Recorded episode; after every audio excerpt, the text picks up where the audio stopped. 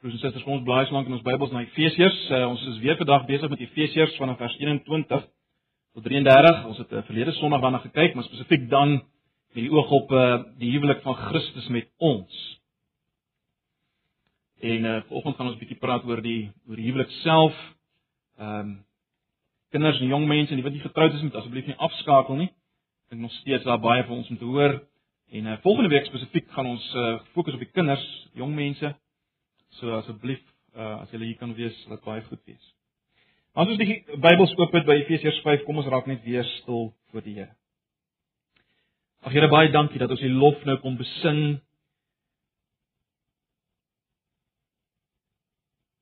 Ag Here, as ons daaraan dink dat ons uiteindelik by die bruilofsmaal van die lam saam met U ook U lof gaan besing, dan vul dit ons met geweldige vreugde. Ja Here, alles wat ons is en alles wat ons het, kom van U uit genade. Here, vanoggend is nie een van ons wat na onsself kan kyk en onsself op die skouer kan klop vir dit wat ons is in ons geestelike lewens nie. Dis alles as gevolg van U liefde vir ons, die vrye, onvoorwaardelike liefde waarmee U ons gekies het en aan een kant gesit het. Ons wat vuil, onaantreklik, onintelligent en ontrou is. U wat ons gewas het deur dit wat U gedoen het op Golgotha en U wat uiteindelik ons sonder vlek voor U gaan stel. Aan U kom al die eer toe.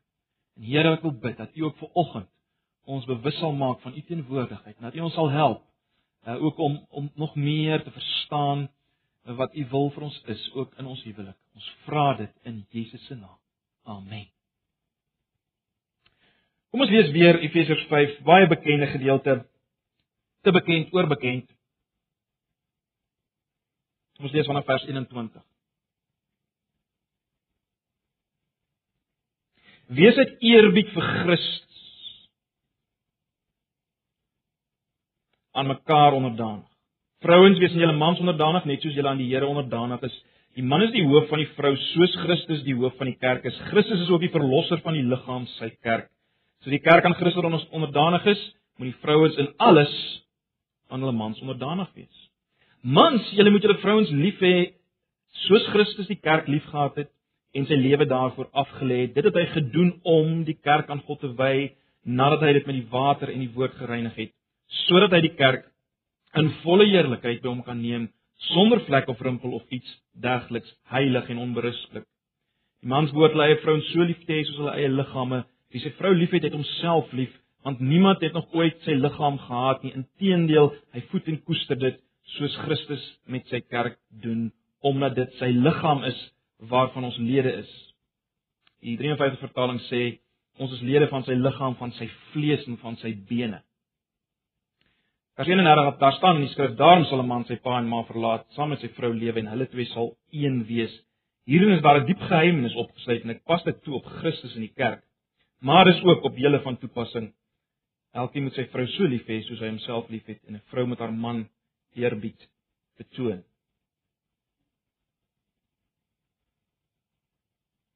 Is dit so ver? Iemand het eendag gesê 'n huwelik of 'n huweliksmaat kan vergelyk word met 'n groot boom wat in die middel van 'n lewensvertrek groei in jou huis. Dit is net groot en is daar. En alle ander dinge rond in die huis is rondom hierdie boom gebou. En waarheen jy ook al gaan in die huis, moet jy rekening hou met hierdie boom. Jy, jy, jy kan nie deur die boom loop nie, jy moet respekvol om die boom loop. Of jy nou na die badkamer toe gaan of kombuis toe gaan of waarheen jy ook al heen gaan. Jy moet respekvol om die boom loop. Jy kan natuurlik die boom afkap. Maar nie sonder dat jy die hele huis uitmekaar uitruk nie. En tog is hierdie boom pragtig. Eksoties, né? Nee. Dis 'n wonderlike boom. Maar aan die ander kant, as ons baie eerlik moet wees, by tye is dit 'n enorme ongemaklikheid.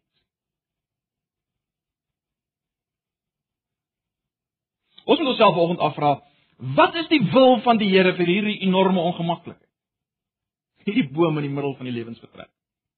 En broers en susters, ons het nou op mekaar gesê en gesien uit Efesiërs 5, dit is moontlik vir ons om die wil van die Here te ken. Dis moontlik vir ons om onder die invloed te kom van die persoon van die Heilige Gees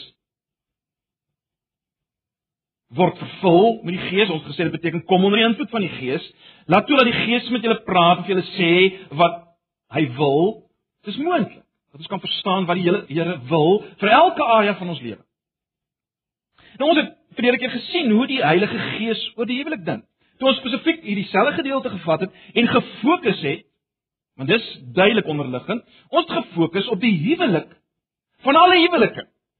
Die huwelik tussen Jesus Christus en ons, sy gemeente, sy kerk.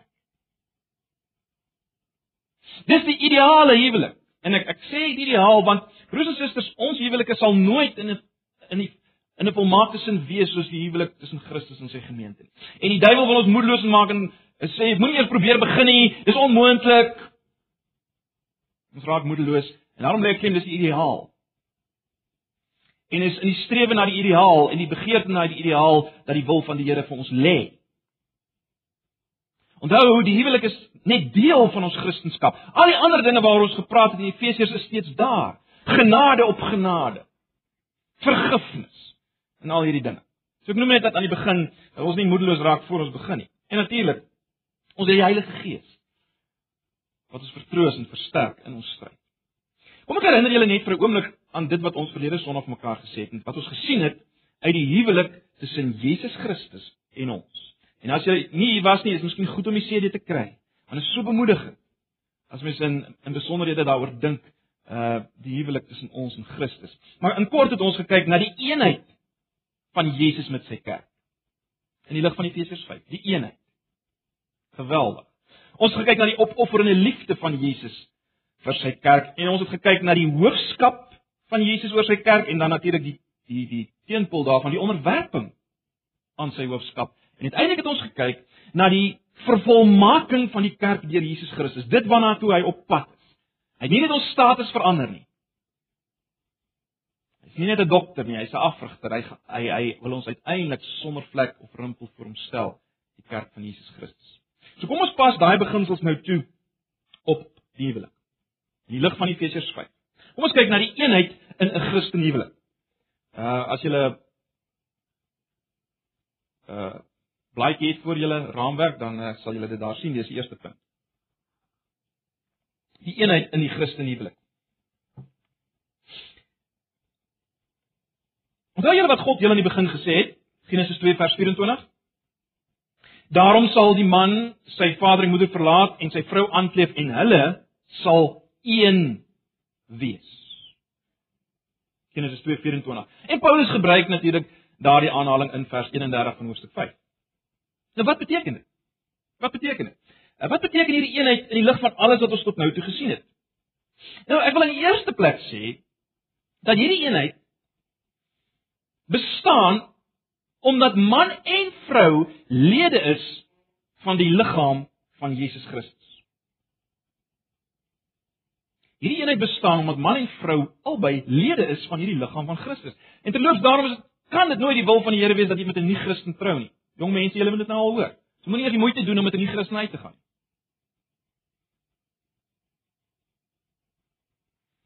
Die eenheid lê daarin dat beide deel is van die liggaam van Christus. Onthou in die ideale Christen huwelik, ek as ek dit so kan stel, is Christus die hoof van beide die man en die vrou. Beide die man en die vrou staan onder hom en en uh beide man en vrou is weer deel van die res van die liggaam, die kerk van Jesus Christus, né? Nee. In ander woorde, as jy wil, Jesus Christus staan in die middel van hierdie verhouding. Hy staan in die middel van jou verhouding. In ander woorde, uh die eenheid van man en vrou begin eintlik met die eenheid van die twee in Christus Jesus. Dis waar die eenheid begin. Die eenheid van man en vrou begin met die eenheid van die twee in Christus Jesus. En daarom is 'n stelling soos die stelling wat ons kry in 1 Korintiërs 12 vers 21 is ook van toepassing op die huwelik. Nee. Luister net weer na 1 Korintiërs 12 vers 21.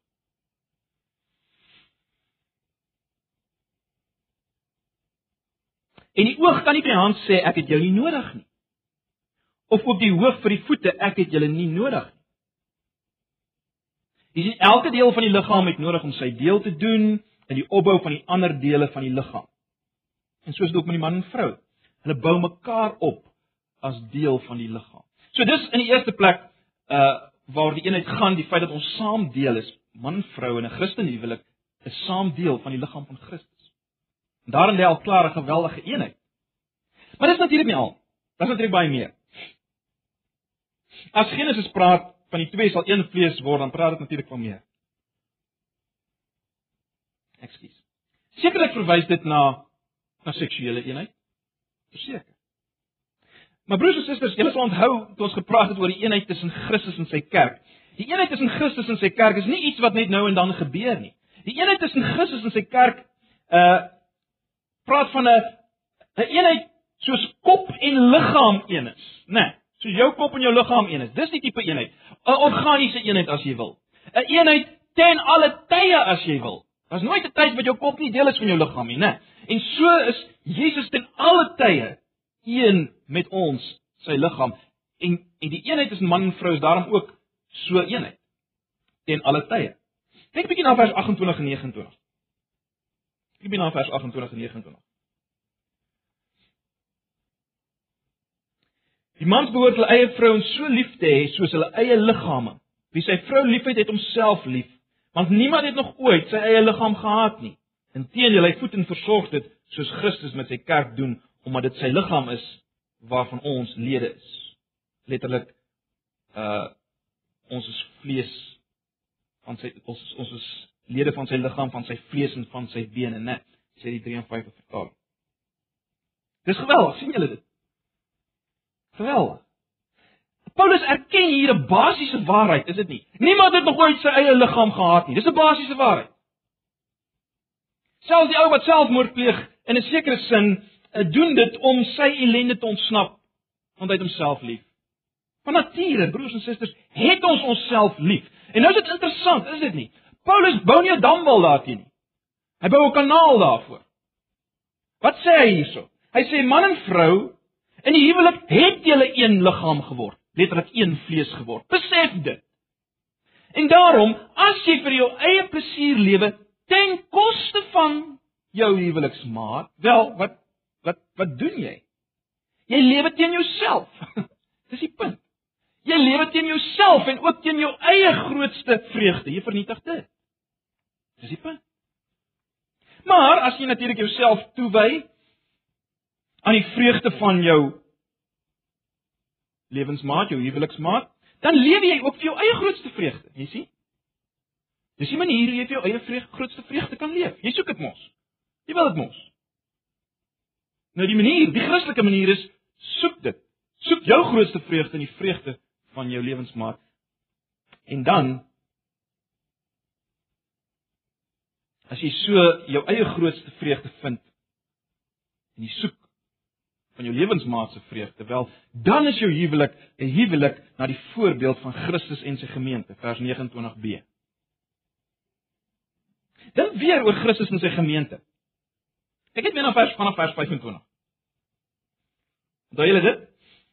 Mans, julle moet julle vrouens lief hê soos Christus die kerk liefgehad het en sy lewe daarvoor afgelê het. Dit het hy gedoen om die kerk aan God te wy nadat hy dit met die water en die woord gereinig het, sodat hy die kerk volkome ehm um,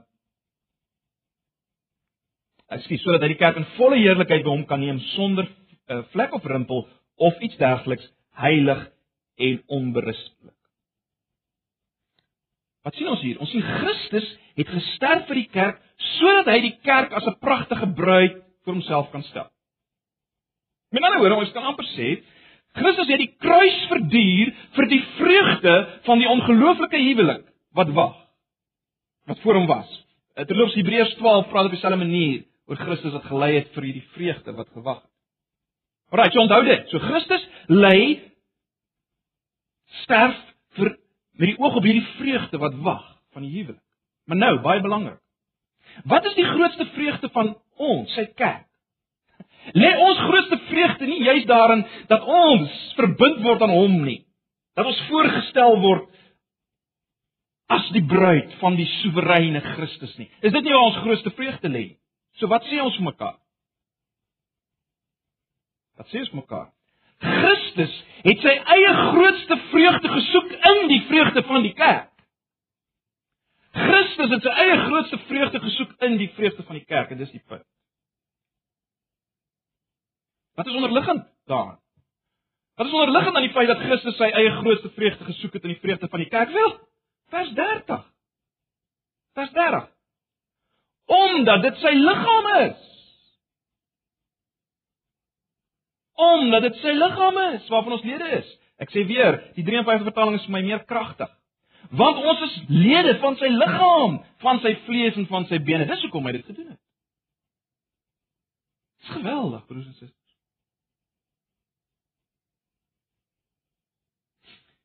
Hele punt is hierdie hierdie eenheid het is absolute implikasies, né?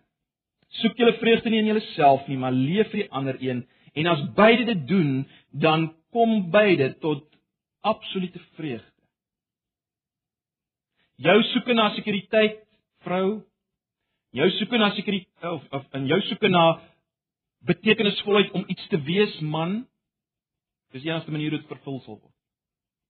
Vrouens soek altyd sekuriteit in diepste mans om iets te wees. En dis die manier hoe dit vervul word. Geen ander manier. Jy jou vreugde te soek in die ander een. Ons weet almal wat gebeur as die teenoorgestelde plaasvind, né? Nee. Ek hoef nie daarop uit te brei. Ek wil net hê julle moet ook iets sien van God wat aan die werk is in dit alles. God is hier aan die werk. Onthou Efesiërs 1 vers 9 tot 10. Uiteindelik gaan alles onder een hoof Christus verenig wees in die kosmos. Dis waar God op pad is. En nou in die huwelik is daar 'n afbeelding daarvan.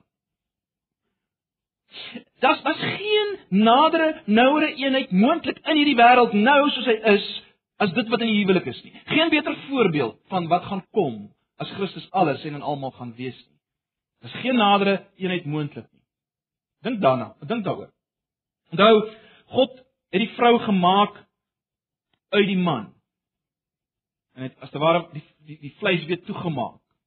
Wat doen God in die huwelik? In die huwelik heropen God as te ware weer daardie wond in die man en is besig met die proses om die vrou terug te plaas. Ja, nie fisies in die liggaam nie, maar verseker permanent aan die aan sy sy. Nie fisies in sy sy miskien nie, maar permanent aan sy sy. 'n Indringer, 'n lewenslange indringer van 'n gebied wat hy tot op hierdie stadium as sy eie beskou het, sy eie liggaam.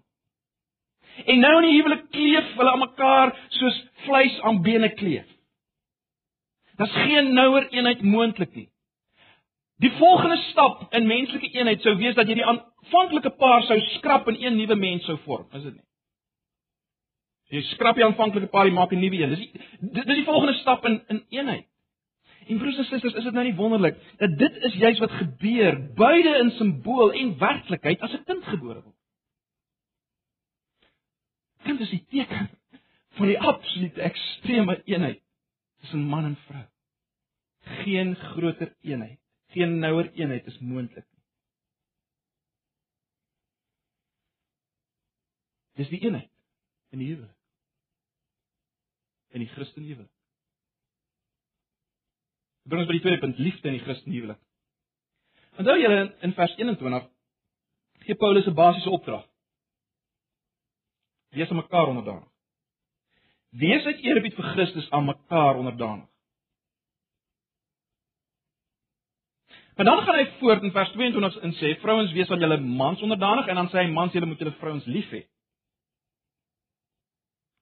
Hoe moet ons dit verstaan? Moet ons dit verstaan? Want die basiese opdrag is dan wees aan mekaar onderdanig. En nou word dit verdeel in wees onderdanig en wees lief. Wel, ek is oortuig dat Paulus of liewer dat die Heilige Gees deur Paulus vir elke huweliksmaat hier 'n bevel gee wat die moeilikste is vir hom of haar. Mans is die meeste geneig om te domineer. en daarom is die opdrag wees opofferend lief soos Jesus Christus. Vir een wat nie aantreklik nie intelligent en nie getrou is. Mans wees opofferend lief. Vrouens is geneig om neer te sien op hulle mans. Ek ek wil nie die hele verhaal gaan haal waar dit vandaan kom in Genesis nie, maar goed. Vrouens is geneig om neer te kyk en daarom is die opdrag aan hulle wees onderdanig. van julle maats. Maar maar broers en susters, die feit dat hierdie sleutelwoord vir die een onderdanigheid is en die sleutelwoord vir die ander een liefde, maak nie werklik 'n verskil nie, hoor. In 'n sekere sin in die, in die konteks van interpersoonlike verhoudinge uh, is hierdie twee woordjies vir alle praktiese doeleindes sinoniem. Dis verseker die onderliggende aanname van Paulus, né? Nee. En dis 'n dis 'n opsomming, 'n beknopte opsomming van die essensie van die evangelie. Om lief te hê is om onderdanig te wees en om onderdanig te wees is om lief te hê. Hoe weet ons dat God ons liefhet? Hoe weet ons dat God ons liefhet? Omdat hy in die persoon van sy eie seun homself ontledig het en die gestalte van let wel 'n slaaf. Jy kan nie meer onderworpe wees onderdanig wees. Hy het die hy het die gestalte van 'n slaaf aangeneem en uiteindelik homself nog verder verneder tot aan die kruis, die dood aan die kruis. Filippense 2 vers 7 en 8. Dis ons weet dat God ons liefhet. En hy het dit gedoen, ons het nou reeds mekaar gesê vir 'n onaantreklike, onintelligente, ontroue bruid. Ons.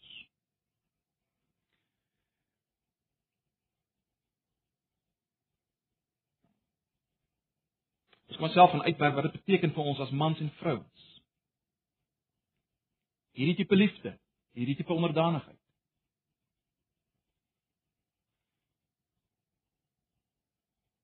Die gom in 'n huwelik is onvoorwaardelike, opofferende liefde en onderdanigheid. Wat in 'n sekere sin, dis nie absoluut dieselfde nie. Dit dit is verskillende forme van hierdie opofferende liefde. Ja, ons wil daarna kyk nou net. Maar in 'n sekere sin kom albei neer op liefde. En albei kom neer op onderdanigheid. En en dis die liefde wat natuurlik spesiaal aan die huwelik is, broers en susters. Natuurlik, ons kan baie vanoggend gepraat het uit die Ou Testament veral oor oor erotiese liefde in die huwelik. Dit het 'n plek absoluut. Daai ons het meer moed om daaroor te preek as ander. Ons kon daaroor gepraat het. Ons kon gepraat het oor vriendskapsliefde in die huwelik. Maar is hierdie opofferende goddelike agape liefde wat eintlik eintlik die besondere is van die huwelik. En dit moet ons raak sien. Dit bring ons by volgende punt, die onderwerping en hoofskap in die Christelike huwelik. Nou Dis sekerlik die mees kontroversiële onderwerp. Die hele kwessie van die onderdanigheid aan die hoofskap van die man. Nou ek dink die helfte van ons probleme is reeds opgelos as ons mekaar uh, sê as ons eerlik moet wees tot 'n groot mate is hier 'n sinoniem. Dis onderdanigheid en liefde. Dit help ons al ver. Maar natuurlik, uh onderdanigheid is is is 'n baie spesifieke vorm van opofferende liefde. Vers 23 en 24 is is baie eksplisiet, né? Nee. Want die man is die hoof van die vrou soos Christus ook hoof is van die liggaam en hy is die verlosser van die liggaam. Vers 24: Maar soos die liggaam aan Christus onderdanig is, moet die vrou ook in alles aan hulle eie mans wees. Dit kan nie eens duideliker wees nie, né? Onderwerping, onderdanigheid. Maar ek dink dit is nodig om in die lig van hierdie vers en in die lig van wat ons verlede Sondag gesien het, mekaar te vra, okay, wat is dit in die eerste plek nie? Wat kan hierdie onderdanigheid nie beteken nie? Net sodat daar geen misverstand is nie. Wat kan dit nie beteken nie? Wel, eerstens en ons het uh, verlede Sondag daaroor gepraat, dit gaan nie hier oor 'n onderwerping aan 'n eksterne gesag nie. In ander woorde, dit daar's nie sprake daarvan van 'n man wat van buite af vir sy vrou beveel skree nie. Nee. Want ons het nou na die eenheid gekyk, is dit nie? Hierdie kop van wie sy beveel kry, hierdie hoof, is sy self. Ons het nou vir mekaar gesê, dit is sy self. So daar is sprake van bevele van 'n eksterne ou wat eintlik nie 'n saak nee.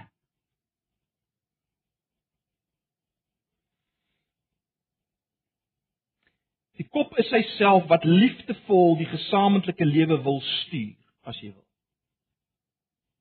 En wat die vrou natuurlik vrymoedigheid gee om te onderwerp aan hierdie hoof is die eenheid en die liefde waarvan ons nou gepraat het. Dit gee vrymoedigheid om te onderwerp. So dis in eerste plek dit gaan nie oor onderwerping aan 'n eksterne gesag nie. Tweedens, hierdie onderwerping het niks te maak met blinde gehoorsaamheid. Dit kan nie wees nie. Gehoorsaamheid na alles, maar nie blinde, totale blinde gehoorsaamheid. Met ander woorde, die res van Efesiërs bly van toepassing. Uh wat sê wandel in wysheid. 'n uh, Wandel as kinders van die lig. Moenie langer soos die heidene lewe nie. Daai goed bly van toepassing. Dit bly van toepassing. Derdens onderdanigheid beteken nie minderwaardigheid nie. So so goed te kop sê vir die hart jy's minderwaardig. Die een kan nie sonder die ander nie. Galasiërs 3 vers 28 maak dit eksplisiet dat voor God is die man en vrou absoluut gelyk voor God wat status betref, nie wat funksie betref nie. Daar's 'n verskil. Maar die verskil in funksie beteken hierdie een is minder as die ander. Voor God. Dit is wel 'n funksionele verskil. Maar baie belangrik, broers en susters, wat is die motivering vir vrouens se onderwerp? Vrouens, wat is die motivering? Kyk weer na vers 21 en 22. Letterlik, kom ek vertaal dit letterlik. Letterlik sou dit so klink vers 21 en 22. Wees onderdanig aan mekaar uit eerbied, letterlik vrees vir Christus, vrouens aan julle mans, soos aan die Here.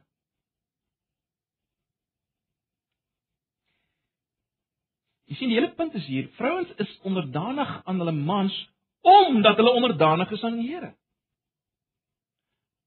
Hy het ontsag vir die Here. Met ander woorde, mense kan amper sê by wyse van spreuke sê die vrou as gevolg van wat Christus vir my gedoen het. Omdat hy my so liefhet, soos ek soos ek hier sien.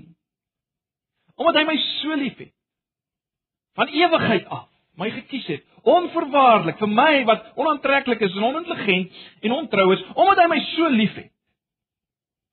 En ek weet daarom hy dra my beswil en belang op die hart, daar kan nie twyfel wees nie. En omdat hy nou beveel, hierdie een beveel dat ek aan my man onderdanig moet wees, daarom is ek aan my man onderdanig. Dis motiveer. So, mens kan amper sê die vrou wys haar onderdanigheid aan Christus deur haar onderwerping aan haar man. Maar natuurlik die man wat van wie ons hier praat.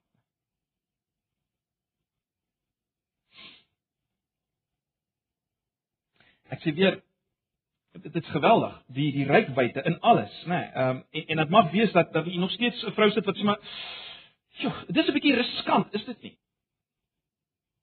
Dit is 'n bietjie riskant om aan alles uh dis 'n bietjie gewaag om om my man onderdanig te wees in alles. Verseker. En daarom vrouens, die motivering vir die onderwerping aan jou man moet kom vanuit 'n sekere geloof. In die liefde en die krag van 'n soewereine Jesus wat sê vir hulle wat God liefhet, werk alles mee ten goeie. Dit moet. Want ek weet dis die een wat dit beveel het. Waarom doen ek dit? As jy nie daar is nie, gaan jy sukkel. Jy moet oortuig wees hiervan. Maar natuurlik baie belangrik. Die keersy, die keersy van hierdie onderdanigheid lê in die hoofskap, die aard van hierdie hoofskap. As ons dit regtig wil verstaan, die die die hoofskap, hoe lyk dit? Kom ons begin eers weer met die negatief. Uh hoofskap kan nooit harde dominering beteken nie. Punt. Dit kan nie. Nie as die man hoof is soos Christus nie. So dit kan nooit harde dominering wees om die waarheid te sê. Uh Kolossense 3 vers 19 sê: "Manne, julle moet julle vrouens lief hê en nie teen hulle verbitter word nie."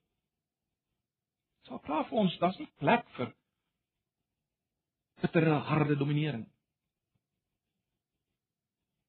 Want dis ook nie hoe Christus ons hoof is nie. So dis negatief. Positief.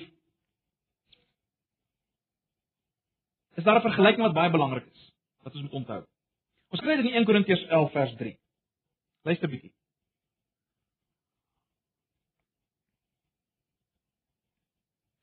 Maar ek wil hê dat julle moet weet dat Christus die hoof is van elke man en die man die hoof van die vrou en dan, en dan sê hy en God die hoof van Christus.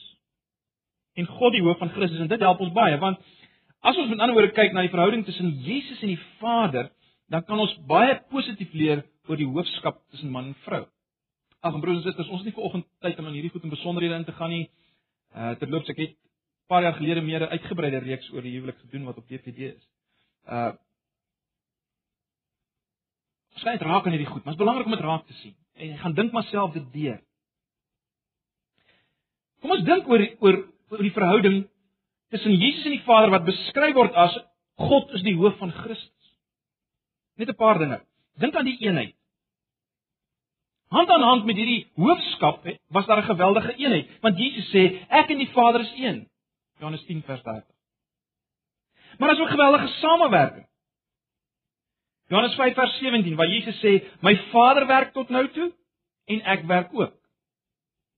En dan is daar 'n wederwysige eer bewys aan mekaar. Johannes 17 vers 1: Verheerlik u seun sodat u seun u ook kan verheerlik. U sien dis alles binne hierdie verhouding waarvan Jesus uh, sê die Vader is die hoof. God is die hoof van Christus. En dan daar onderwerping. Dan is daar onderwerping. Johannes 6 vers 38. Want ek het uit die hemel neergedaal nie om my wil te doen nie, maar die wil van hom wat my gestuur het. Johannes 6 vers 38. Met ander woorde om dit baie kort op te som, broers en susters, die hoofskap van die man oor die vrou sal ook insluit hierdie bewustheid van die absolute eenheid waarvan ons nou gepraat het. En die feit dat hulle wat status betref voor God op dieselfde vlak is.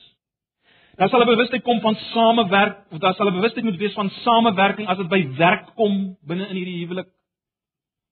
Samewerking daar moet eer wees, wederwysige eer vir die persoon van die ander een.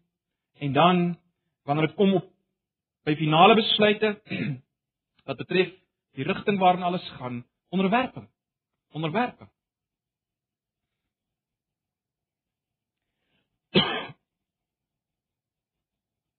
Dit bring ons by die laaste punt. Die vervolmaking van mekaar in die Christelike huwelik. Ons het reeds daarna verwys. Ons het verlede Sondag daaroor gepraat. Jesus Christus het nie net sy vrou ons die kerk se status verander. Sy posisie verander van dood na lewend.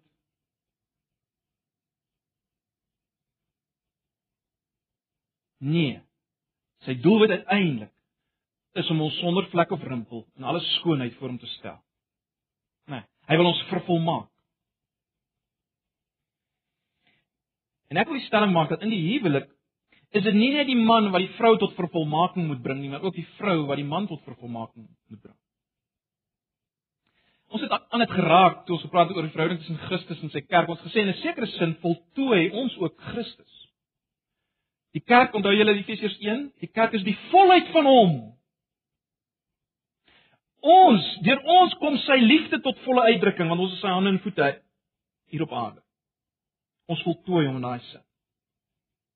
So, wat ek wil sê is hierdie vervolmaking, as ons nou daaroor praat, man en vrou albei moet kom tot vervolmaking. Watter oor, oor watter vervolmaking word hier gepraat? Wel, uh ek dink nie dit kan geestelik wees nie. Nêrens word gesê dat die man die geestelike hoof van die vrou is. Daarmee sê ek nie ek moet dan nie geestelik begelei nie, maar hoor wat ek sê, Hy's nie die geestelike hoof van die vrou nie, Christus is. Christus is. Wat is die vervolmaking hier? Ek sou tyd die vervolmaking lê in ons man wees en vrou wees deur die huweliksverhouding. Met ander woorde, deur die huwelik word ons die man en vrou wat God wil hê ons moet word. En wat is dit? Wel, ons moet teruggaan na die begin, na Genesis, né? Nee. Baie interessant. Uh is God die man klaar geskaap het, dan vat hy die man na die skepping toe. Die man moet die diere name gee ensovoorts. Heers en regeer. As God die vrou klaar gemaak het, dan vat vat hy die vrou na die man toe. So is amper sê man wees uh lê in hierdie gerig wees op die wêreld, lê in funksionering, in orde bring in die dien van die skepping. Terwyl vrou wees ten diepste lê hier in verhoudingsgerigtheid, né? Nee, dis dis vrou is baie meer verhoudingsgerig. Ek sê weer, die man soek betekenisvolheid in wat hy doen. Die vrou ten diepste soek sekuriteit in verhouding. Dit is net so. Maar dis daarin wat vervolmaking moet plaasvind. Vandag ons het nou volgende tyd om om te veel daaroor te praat nie. Maar kom ons dink net in breë lyne daaroor. Onmiddellik moet ons mekaar sê hierdie vervolmaking kan nie plaasvind deur krities te wees op mekaar. Maar aan die ander kant ook nie deur stil te bly oor foute nie. Dit kom ook nie deur mekaar te vergelyk met ander nie. Hoe so en so maak so. Kyk hoe wonderlik is hulle. Kyk daai man. Kyk daai vrou. Kom nie deur vergelyking nie. Dit kom ook nie deur kerm nie. Nek nie. Dis Engelse woord. Nee. Kyk as mens eenmaal iets van iemand vra dan dan maak jy 'n suggestie. As jy die tweede keer dit doen en dan herinner jy die persoon daaraan. As jy die derde keer dit doen dan kerm jy. Nee, dan nek jy. So dis nie hoe dit plaasvind hierdie vervolmaking. En natuurlik ook nie deur manipulering en afpersing nie. Ons baie maniere waarop waarop ons dit doen, is dit nie? Waarop ons manipuleer en afpers. Baie basies bring die vrou die man tot wat God wil hê hy moet wees deur hom te respekteer. Ons kry dit in die laaste vers uh van Efesiërs 5 vers vers 32 die laaste gedeelte. Elkeen moet sy vrou so lief hê soos homself lief het en die vrou moet haar man eerbied betoon. In 'n woorde ten diepste die basiese die vrou doen dit deur deur aan respekteer en hy doen dit deur lief te hê. Basies. Ek gaan net 'n paar vinnig 'n paar punte hier noem. Ons het nie tyd om vleis te gee aan nie. In die lig daarvan kan ons sê die vrou vervolmaak haar man deur hom te laat weet sy respekteer hom. 'n Man is werklik vry om om uh om lief te hê as hy weet hy word gerespekteer. So dis 'n een manier, né? Nee. En natuurlik weer dit werk teenoorgestel ook, né? Nee, die, die die beste manier uh om respek te kry is weer weer liefde van die man se kant, maar goed. Vrouens vervolmaak haar man deur deur hom haar hoof te maak, nie iemand anders nie. Nie die dokter nie of die dominee of die broer of wie ook al nie. Die man is jou, jou man is jou hoof. Vrou vervolmaak die man deur hom hoof te maak. Die vrou vervolmaak haar man deur te kommunikeer met hom. Ehm uh, soos ons met Christus kommunikeer, nee, ons kan baie gedeeltes uh, aanhaal. Die vrou vervolmaak in die vierde plek die man deur sy begeertes te leer ken. Mans is is is is dit wels nie so goed met met met kommunikasie en om te sê wat hulle begeertes is nie. Hulle is dikwels, party is, want dit wels nie so goed nie, maar vrou, jy vervolmaak jou man deur deur sy begeertes te leer ken. En dan laastens, die vrou vervolmaak die man deur absolute vertroue te hê dat die Here in beheer is. Waar ons net te verwys het. Die man aan die ander kant, hoe vervolmaak jy die vrou wel deur tyd met haar te spandeer? In die lig van waar haar gerigtheid lê, deur met haar te praat. Dit waarmee baie van ons deur te luister, met ander woorde deur te praat. Aan die kant deur te luister, werklik te luister. Uh wat vir ons kos moeilik is. Wat te luister, wat sy werklik wil sê. Wat werklik vir haar belangrik is, deur te luister. Natuurlik dan deur onvoorwaardelike versorging en koestering Al is sy nog nie dit wat jy wil hê sy moet wees nie. Dink weer aan Christus se liefde vir ons. Maar dis hoe ons die vrou vervolmaak. Ag broers en susters, wat sal gebeur as iets daarvan gebeur tussen man en vrou? Wel, hierdie huwelik sal getuig van die waarheid van die evangelie, is dit nie? Net soos die kerk en dit wat ons word, getuig van wie Christus is en die waarheid en die krag van die evangelie getuig die huwelik daarvan. Uh, Dr. Martin Lloyd Jones het dit op 'n stadium net so gestel, het gesê there's no greater recommendation to the truth and power of the Christian faith than a Christian husband and wife, a Christian marriage en dan uiteindelik ook 'n Christian home. En natuurlik broers en susters, dit groei oor tyd. Dink aan die kerk in die algemeen. Oor tyd en deur baie krisisse en een. Ekskuus. Uh word die kerk wat sy moet wees. Deur deur laagtepunte en donker tye as jy die kerk nie geheel vat. Maar God is op pad met die kerk na vervolmaking. En daarom moet ons dit onthou in ons huwelike. Deur baie tye van krisis en donker tye en afgronde heen groei die huwelik na hierdie vervolmaking. Ag broers en susters, wat 'n voorreg. Sluit daarmee af om 'n om 'n om 'n huwelik te wees na die voorbeeld van Christus en sy gemeente. Om deel te wees, om 'n afbeelding te wees van dit wat uiteindelik gaan kom, die volkomme eenheid tussen God en sy mense. As Christus die hoof is van almal. Efesiërs 1:9 en 10. As jy dalk moedeloos is vanoggend, en as die duiwel jou aanval, ek sê weer Moenie vergeet van die ander waarhede van Efesiërs nie. Moenie vergeet dat ons opgewek is saam met Christus en saam met hom in die hemele sit nie. Moenie vergeet jy is lig en jy kan wandel as 'n kind van die lig nie. Moenie vergeet jy kan onder invloed van die Heilige Gees leef nie. Moenie vergeet van vergifnis. God ons vergewe het in Christus Jesus. Moenie daarvan vergeet nie. Amen. Kom ons bid saam. Ag Here baie dankie dat ons vir 'n oomblik kon kyk na dit wat vir U uiters belangrik is. Die huwelik, die Christen huwelik Uiteindelik, Here, sodat U die eer kan ontvang vir wie U is en vir wat U gedoen het. Ag Here, U ken ons elkeen, U, U weet hoe lyk elkeen van ons se huwelik in hierdie gemeente. U ken ons worsteling, ons stryde. En ek wil vra dat U vir ons groot genade sal gee. En dat U vir ons sal vergewe waar ons dikwels so denkloos aanploeter. En vergeet waarvan ons deel is. Ek bid vir elke jong mens wat hier sit wat trou oorweeg, elke ongetroude dat hulle in die lig hiervan anders sal begin dink.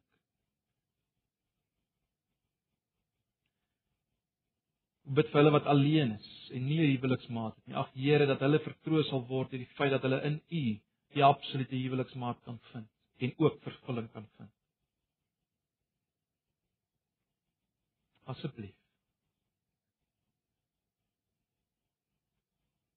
Bid hierdie dinge in Jesus se naam. Amen. Kom ons sluit af met 'n laaste lied. Ehm um, gaan vra dat ons hierdie lied vir mekaar sal sing. Uh, mans en vrouens, uh, man en vrou as jy na mekaar sit. Ehm um, sing dit vir mekaar, maar as jy nou nie as 'n uh, man en vrou hier is nie, sing dit vir die broer of suster langs jou sing vir mekaar. Kom ons